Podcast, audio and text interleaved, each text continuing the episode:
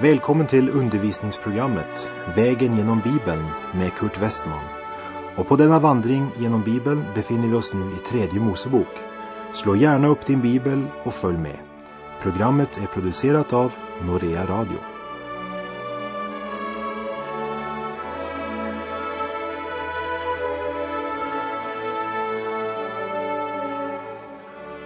Vi har nu kommit till kapitel 25 i tredje Mosebok och det är en fortsättning på det som var temat i kapitel 23, nämligen Israels högtider. Här i kapitel 25 är temat lagar och förordningar som gäller löfteslandet, jubelåret och sabbatsåret. Allt vi ska läsa i det här kapitlet är förbundet med landet som Gud gav Israel. Och vi kan inte läsa tredje Mosebok eller resten av Bibeln utan att lägga märke till det ständiga upprepandet av sjutalet. Det talas om den sjunde dagen, den sjunde veckan och den sjunde månaden och det sjunde året. Gud vilade på den sjunde dagen, inte därför att han var trött, men därför att han hade fullfört hela skapelsen på sex dagar. Sabbaten blev utgångspunkten för att dela upp tiden. Som vi nämnde i förra programmet så kunde det mänskligt sett verka lite underligt att mitt mellan kapitel 23 och 25 som handlar om Israels högtider så fick vi kapitel 24 som talade om ljusstaken och skådebröden. Men den som noggrant följt med på vår vandring, vägen genom Bibeln och som själv på egen hand har läst dessa kapitel under eftertanke. Han kommer att upptäcka den moraliska förbindelsen mellan kapitel 24 och kapitel 25. Vi läser i tredje Mosebok 25, vers 1. Och Herren talade till Mose på Sinai berg och sade. Innan vi nu går vidare ska vi lägga märke till att det i början av tredje Mosebok i kapitel 1 och vers 1 stod och Herren kallade Mose och talade till honom ur uppenbarelsetältet och sade det mesta som sägs i tredje Mosebok kännetecknas av att det sägs från uppenbarelsetältet. Vilket betyder att det speciellt talar om gudstjänsten, gemenskapen och prästernas tillbedjan och om folkets moraliska tillstånd. Därför talas det ur uppenbarelsetältet som ju var den stora mittpunkten för allt det som hörde till prästernas tjänst. Men här i kapitel 25 blir det alltså talat från ett helt annat ställe, nämligen från Sinai berg. Och då vi vet att varje uttryck i Bibeln har sin speciella betydelse så väntar vi också att få höra något annat ifrån Sinai berg än från uppenbarelsetältet. Och så är det också. Hela det här kapitlet handlar om Guds krav på herradömet över hela jorden. Det talar om hans suveräna rätt att ge en bestämd del av jorden till ett bestämt folk som ska ta detta land i besittning, vi kan säga som Guds arrendatorer. Och vi läser i vers 2. Tala till Israels barn och säg till dem, när ni kommer in i det land som jag vill ge er, ska landet hålla sabbat åt Herren. Här möter vi något helt förunderligt. Det är en sabbat också för landet, såväl som för människan. Den sjunde dagen är för människan, det sjunde året är för marken eller landet. Den sjunde dagen har sina rötter i själva skapelsen när Gud på den sjunde dagen vilade från allt sitt verk därför att hans skapelse var fullförd. Sabbat betyder vila och han vilade inte därför att han var trött men därför att verket var färdigt fullfört. När Gud skänkt oss sabbatsvilan så är det en vila i det verk som Herren fullfört genom vår frälsare Jesus Kristus. Honom som på korset utropade, det är fullbordat. Kom in i min sabbatsvila, allt är färdigt. Gud skänker också landet ett viloår som ett vittnesbörd om den överflödande välsignelse som Gud önskar skänka dem som utsätts till att förpakta Herrens land. Hans plan var att ge dem hela landet och för alltid. Men de intog endast en del av det och endast för en tid. Det sjunde året är för landet, för åkermarken, ett viloår. Det svindlar för tanken om vi verkligen lägger märke till vad som här står skrivet. Ett viloår för landet. Var i hela världen läser man om ett land som i ett helt år får njuta en oavbruten vila och som flödar över av välsignelse. Men med den kunskap vi idag har om jordbruk så är det uppenbart att det var mycket nyttigt för landet att vila det sjunde året. Det var också en vila för dem som odlade marken, även om de hade andra sysslor att utföra. Och det är viktigt för oss att vara klar över att det var genom att bryta denna gudomliga förordning angående sabbatsåret som de förorsakade att Israels barn hamnade i fångenskap i Babylon i 70 år. De nonchalerade att hålla sabbatsåret heligt i hela 490 år. Och 490 delat med 7, det blir 70. Så hela 70 gånger bröt Israel Guds befallning om att hålla sabbatsår. Och så blev de bortförda till fångenskap i 70 år. Ett år för varje sabbatsår man försummat.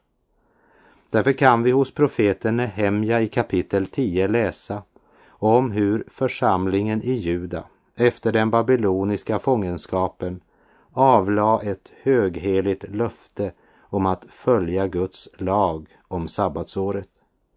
Nehemja kapitel 10 och vers 31 säger och när de främmande folken förde in handelsvaror eller något slags säd att säljas på sabbatsdagen skulle vi inte köpa det av dem på sabbat eller helgdag och vi skulle låta vart sjunde år vara friår och då avstå från alla slags krav. Detta därför att man visste att de 70 åren i fångenskap i Babylon var på grund av att man syndat mot budet om sabbatsåret.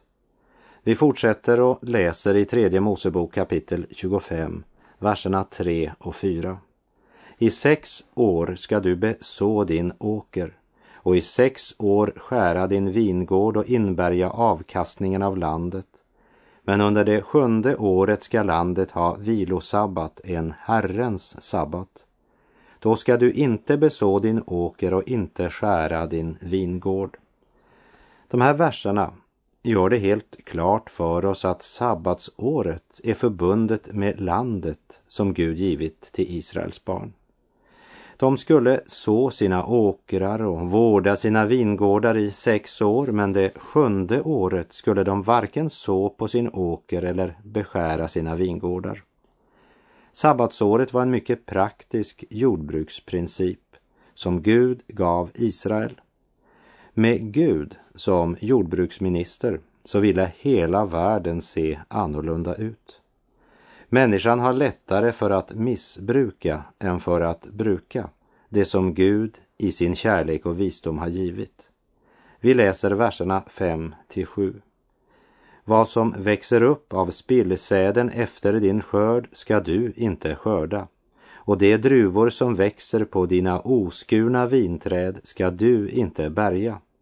Det ska vara en sabbatsvilans år för landet och vad landets sabbat ändå ger ska ni ha till föda, du själv, din tjänare och din tjänarinna, din daglönare och din inneboende, det som bor hos dig. Din boskap och de vilda djuren i ditt land skall också ha sin föda av all dess avkastning.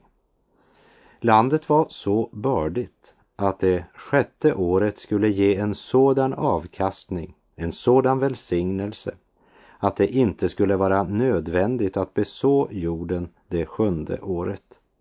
Och Herrens order till sitt folk var när ni kommer in i det land som jag vill ge er ska landet hålla sabbat åt Herren.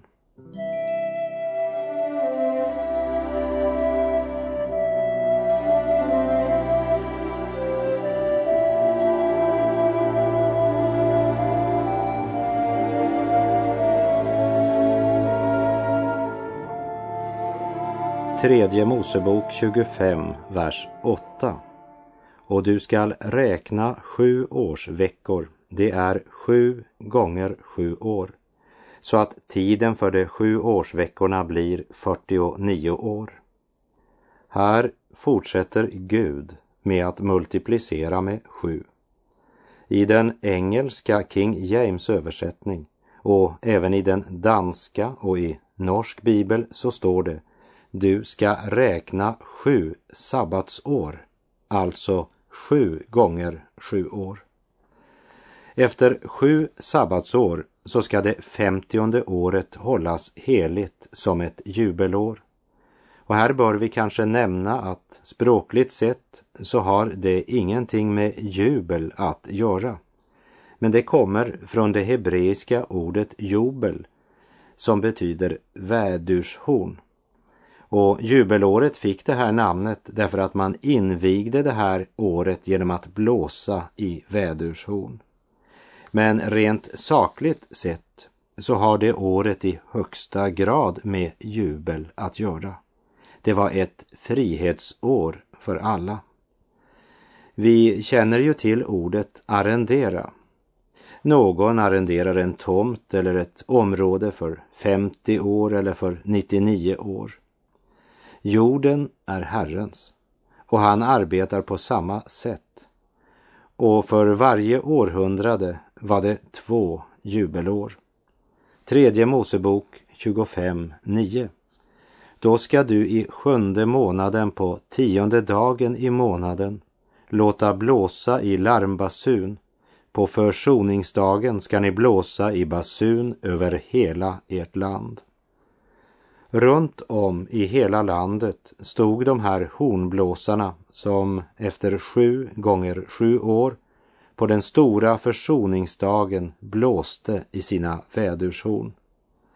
Det här var på många sätt den mest efterlängtade och glädjefyllda perioden under lagens hushållning. Vers 10 och ni ska helga det femtionde året och utropa frihet i landet för alla dess inbyggare. Det ska vara ett jubelår för er. Var och en av er ska då återfå sin arvsbesittning. Var och en av er skall återfå sin släktegendom. Israels folk kunde inteckna eller belåna sin jord, men vid jubelåret då skulle marken återlämnas till den ursprunglige ägaren. Om en man hade sålt sig själv som slav så blev han fri. Då jubeltrumpeten ljöd. Länkarna bröts, fången blev fri, liksom evangeliet idag frigör. Jubelåret ropades ut genom att man blåste i vädurshornen. Det var frihetens trumpet som ljöd inför det femtionde året och det förkunnade att frihetens år hade kommit. Det grekiska ordet för trumpet är kerux och verbet kerusso betyder proklamera eller ropa ut. Och jubelåret det liknas vid nådens tidsålder då evangeliet förkunnas för dem som är syndens slavar och Satans fångar. Romarbrevet 6, verserna 17 och 18 säger Men Gud vare tack, ni var slavar under synden, men valde att av hela ert hjärta lyda den lära som ni blivit införda i. Och när ni då gjordes fria från synden blev ni slavar under rättfärdigheten. Och Romarbrevet 6.23 Syndens lön är döden, men Guds gåva är evigt liv i Kristus Jesus, vår Herre. Och Johannes 8, vers 32. Ni ska lära känna sanningen och sanningen ska göra er fria. Och i Johannes 8.36 står det om nu sonen befriar er blir ni verkligen fria. Och här är det intressant att lägga märke till det Jesus säger i en synagoga i Nasaret i Lukas 4, verserna 16 till 21. Han kom till Nasaret där han hade växt upp och på sabbaten gick han till synagogan som han brukade. Han reste sig för att läsa och man gav honom profeten Jesaja bok. När han öppnade den fann han det ställe där det står skrivet Herrens ande är över mig, ty han har smort mig till att frambära ett glädjebud till de fattiga. Han har sänt mig till att förkunna befrielse för de fångna och syn för de blinda och ge de förtryckta frihet och förkunna året som Herren har valt. Han rullade ihop boken och gav den tillbaka till tjänaren och satte sig. Alla i synagogan hade sina blickar riktade mot Jesus. Då började han tala till dem och sa, idag har detta skriftställe gått i uppfyllelse inför er som hör mig. Vi läser i tredje Mosebok 25, verserna 11 och 12. Ett jubelår ska detta femtionde år vara för er. Då ska ni inte så något och vad som då växer upp av spillsäden ska ni inte skörda och ni ska då inte bärga era oskurna vinträd. Ty det är ett jubelår, heligt skall det vara för er. Från själva marken ska ni hämta er föda av dess avkastning. Efter sju sabbatsår ska det femtionde året hållas heligt som ett jubelår. Det betyder alltså att varje gång jubelåret infaller blir det två år efter varandra som hålls heliga. Först sabbatsåret, det 49 året, och så det 50 som är jubelåret. Så jubelåret följde efter ett år då man inte besått sina åkrar och inte beskurit sina vingårdar. Men Gud lovade att försörja dem.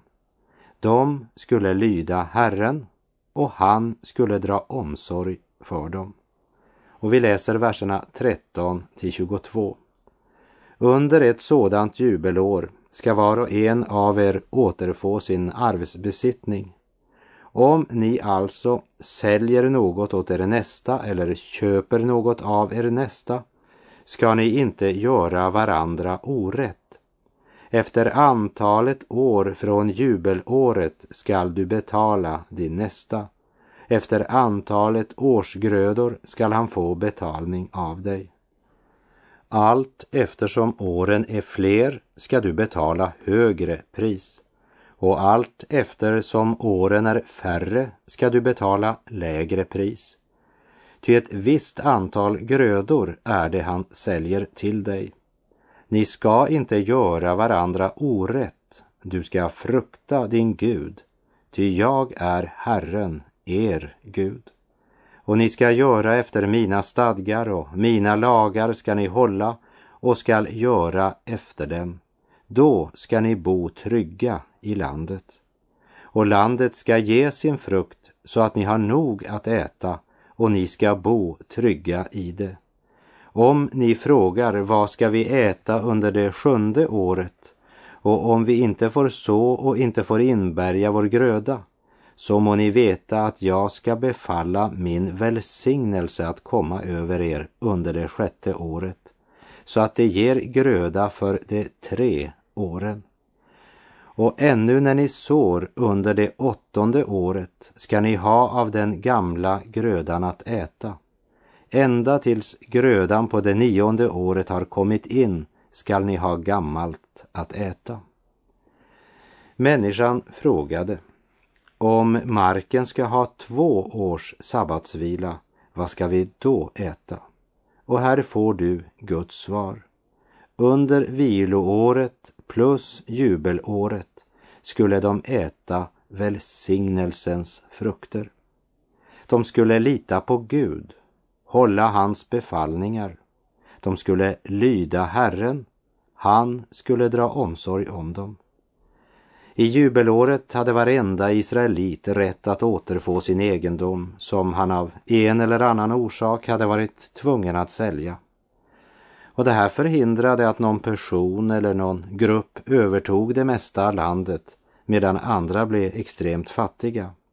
Den här lagen upprätthöll balansen i Israel. Det var inte ett val mellan kommunism eller kapitalism som båda är förödande för människan. Men det var Guds plan.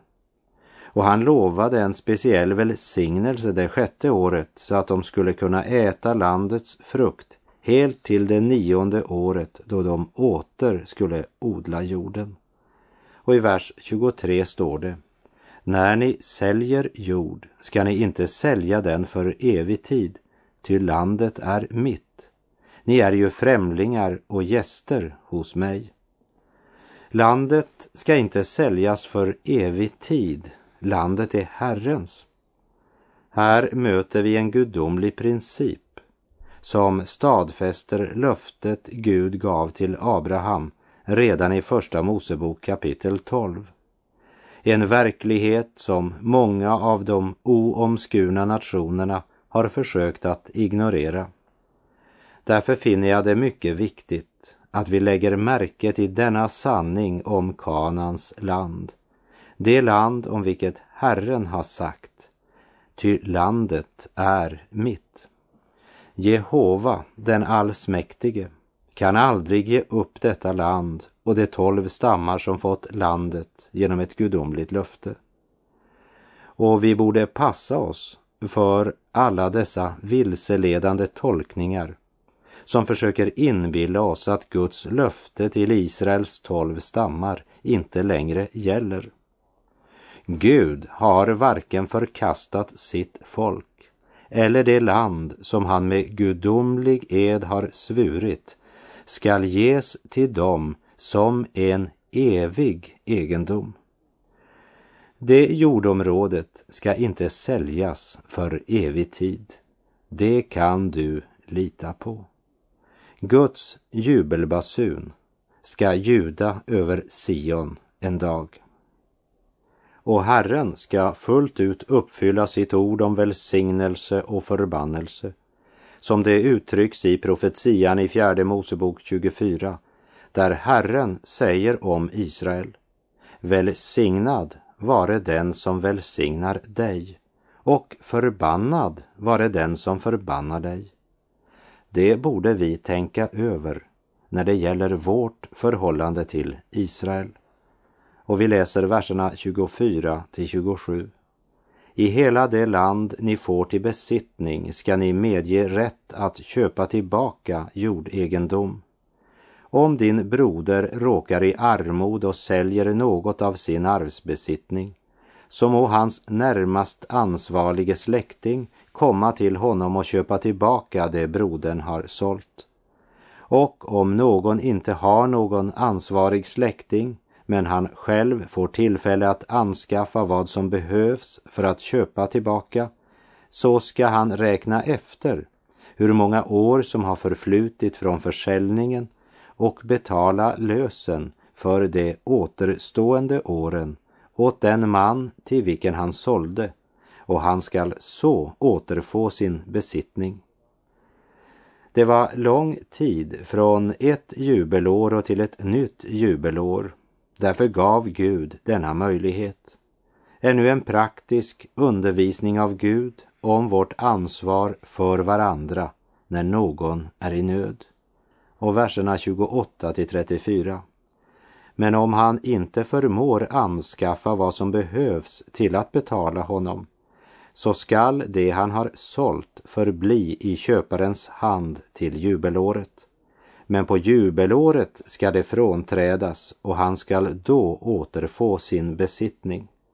Om någon säljer ett boningshus i en stad som är omgiven med murar så skall han ha rätt att köpa tillbaka det innan ett år har förflutit sedan han sålde det. Hans rätt att köpa tillbaka det är då inskränkt till viss tid. Men om det inte har blivit köpt tillbaka förrän hela året är ute, så skall huset, om det ligger i en stad och är omgiven med murar, förbli köparens och hans efterkommandes egendom för evig tid. Det ska då inte frånträdas på jubelåret. Men hus i sådana byar som inte har murar omkring sig ska räknas till landets åkermark. Det ska kunna köpas tillbaka och på jubelåret ska det frånträdas. Dock ska leviterna inom de städer som är deras arvsbesittning ha evig rätt att köpa tillbaka husen i städerna. Också om någon annan av leviterna löser in det sålda huset i den stad där han har sin besittning skall det dock frånträdas på jubelåret. Ty husen i levitstäderna är leviternas arvsbesittning bland Israels barn. Och ett fält som är utmark omkring någon av deras städer får inte säljas, ty det är deras eviga besittning.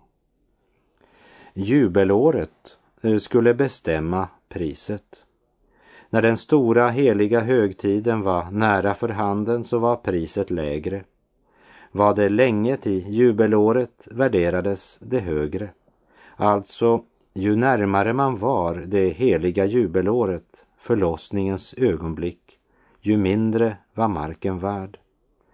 Säger oss inte det att vi som lever i visshet om Herren Jesu Kristi återkomst, vi räknar inte så mycket med de jordiska värdena.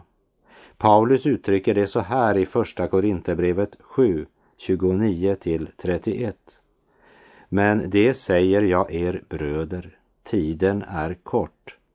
Hädanefter bör också de som har hustrur leva som om de inga hade och de som gråter som gräte det inte och de som gläder sig som gladde det sig inte och de som köper som finge det ingenting behålla och de som gör nytta av denna världen som hade det ingen nytta av den.